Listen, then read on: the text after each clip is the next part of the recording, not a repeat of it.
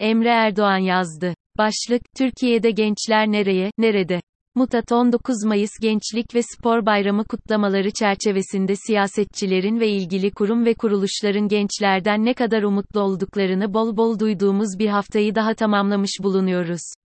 Türkiye'de ülkenin şartları ne kadar değişirse değişsin, bu bayramın ilk ihdas edildiği günden bu yana sürekli ülkenin umudu olduğu vurgulanan öznesiz bir gençlik kavramıyla karşı karşıyayız. Her dönemde güç sahipleri ülkenin yarınının gençlerin elinde olduğunu vurguluyorlar.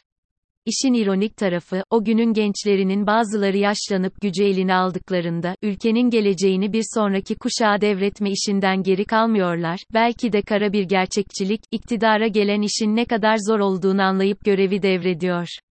Yaşamın gerçeği, bir gün herkes toprakla buluşacak ve ortalama yaşam süresi ne kadar uzarsa uzasın ülkeyi ve diğer her şeyi yönetme işi bizden sonrakilere kalacak. Ancak öyle bir toplumsal ve siyasal matris içindeyiz ki, yönetme işi devredilene kadar iş işten geçmiş oluyor, devralan ancak statükoyu koruyabiliyor, ya da daha önceki statükoyu yeniden hayata geçirmeye çalışıyor. Oysa, bugün güç sahibi olanların kararları yarının vatandaşlarının yaşamını biçimlendiriyor, onlara sıra geldiğinde kendi yaşamlarını kurtarmak için yapabilecekleri çok fazla bir şey kalmıyor.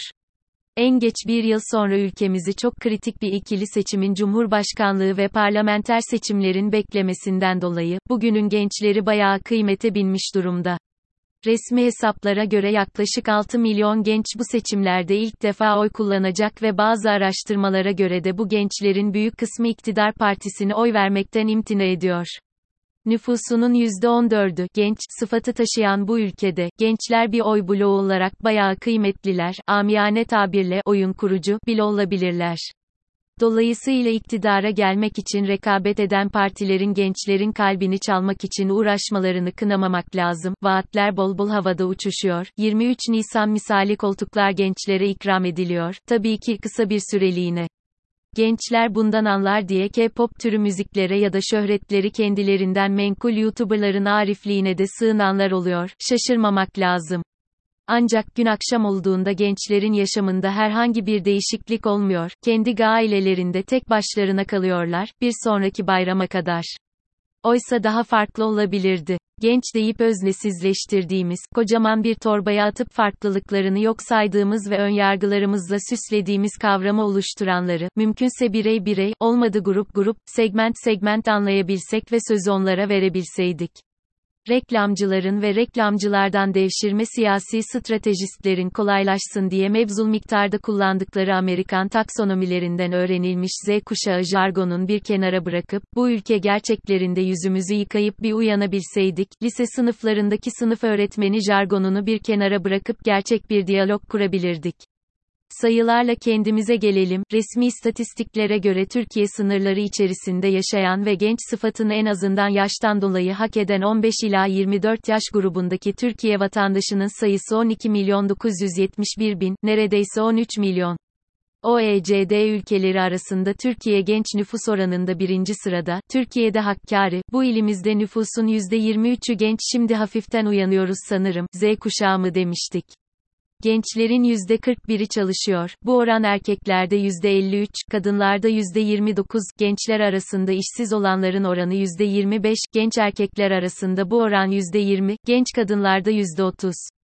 Biz, ev genci, diyoruz, literatürde ismi, ne eğitimde ne istihdamda olan gençler, Türkiye'de bunların oranı %25.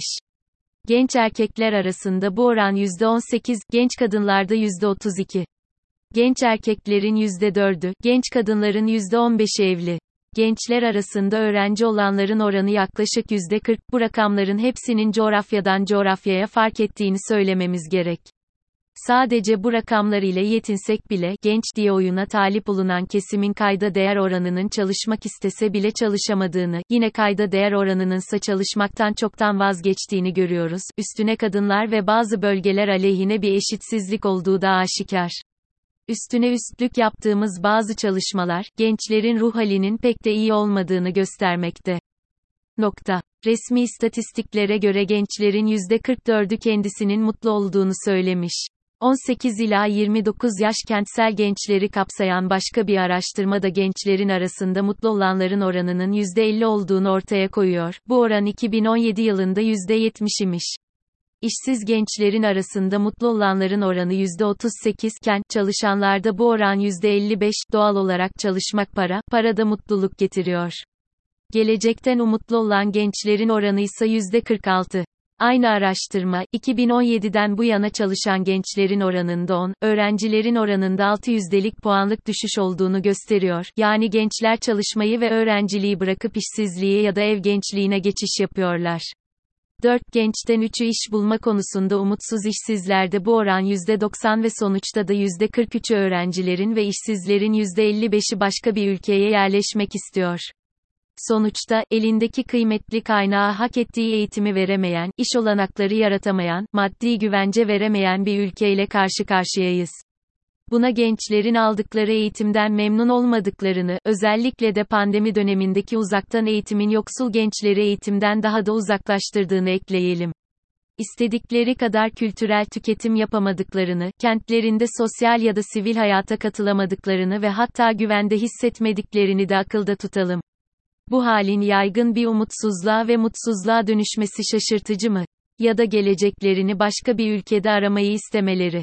Üstelik bütün olumsuz koşulların kadınlar, yoksullar ve azınlıklar aleyhine daha fazla olduğunu da biliyorsak, bu ülke gençlerine davranması gibi davranıyor diyebilir miyiz? Sorunu yaratanlar, sorunu çözemezler. Bir miktar nasıl çözebileceklerini bilmediklerinden, bir miktar da çözmek işlerine gelmemesinden. Kimse çocuğunun mutsuz olmasını istemez ama elindeki gücü devretmeye hevesli olmayanlar sayısı da az değil. Bu güç evdeki masanın başında oturma gücü de olabilir, iş yerindeki ağabeylik, müessesi de olabilir, sınıftaki hocalık, siyasetteki reislik de. Bu nedenle, gençlerin oylarına bin tane vaatle talip olsalar da güç sahiplerinin sözlerini yerine getireceklerinden pek umutlu olmamak gerek, eski bir deyişle, sistemden beslenenler, sistemi değiştirmezler. Ne yapılabilir? 40 yaş üstünü her türlü makamdan uzaklaştıracak bir demografik devrim bekleyemeyiz. Bunun için ne fırsat var ne kaynak. Ama gençlerin sorunlarını gençler adına, haydi genişletelim vatandaşların sorunlarını vatandaşlar adına çözme iddiasından vazgeçmek bir başlangıç adım olabilir. Gençlerin sadece fikrini sormayalım, sokak röportajlarında mikrofon uzatmayalım, karar verme mekanizmalarında yer açalım. Evdeki masada, okuldaki kürsüde, iş yerinde, sivil toplum kuruluşunda, belediye meclislerinde, mecliste, parti yönetiminde onlara da yer verelim. Aramızdan bazıları koltuklarını bıraksınlar, diğerleri de sıkışıversinler. Ve bembeyaz bir sayfayla düşünmeye başlayalım. Onlara, senin sorunun bu, demeyelim, onlar bulsunlar sorunlarını ve çözümlerini de üretsinler. Biz babalıktan analıktan, hocalıktan, reislikten vazgeçelim, yoldaş olmayı deneyelim. Kendi kararlarını versinler, biz sadece bizim hatalarımızı yapmamalarını sağlayalım, onlar kendi hatalarını yapsınlar. İnanın, bugünkünden çok daha güzel bir ülkede yaşarız, yeter ki sözü küçüğe verip, bu kez suyu biz içelim. Önümüzdeki seçim döneminde, gençlerin oylarına talip olanlar. Vaatlerinizle değil, yaptıklarınızla oy istemeyi deneyin bir kere. Sadece oylarını değil, kalplerini de kazanırsınız. Bilirsiniz ki, bu ülkede, sevdik mi tam severiz.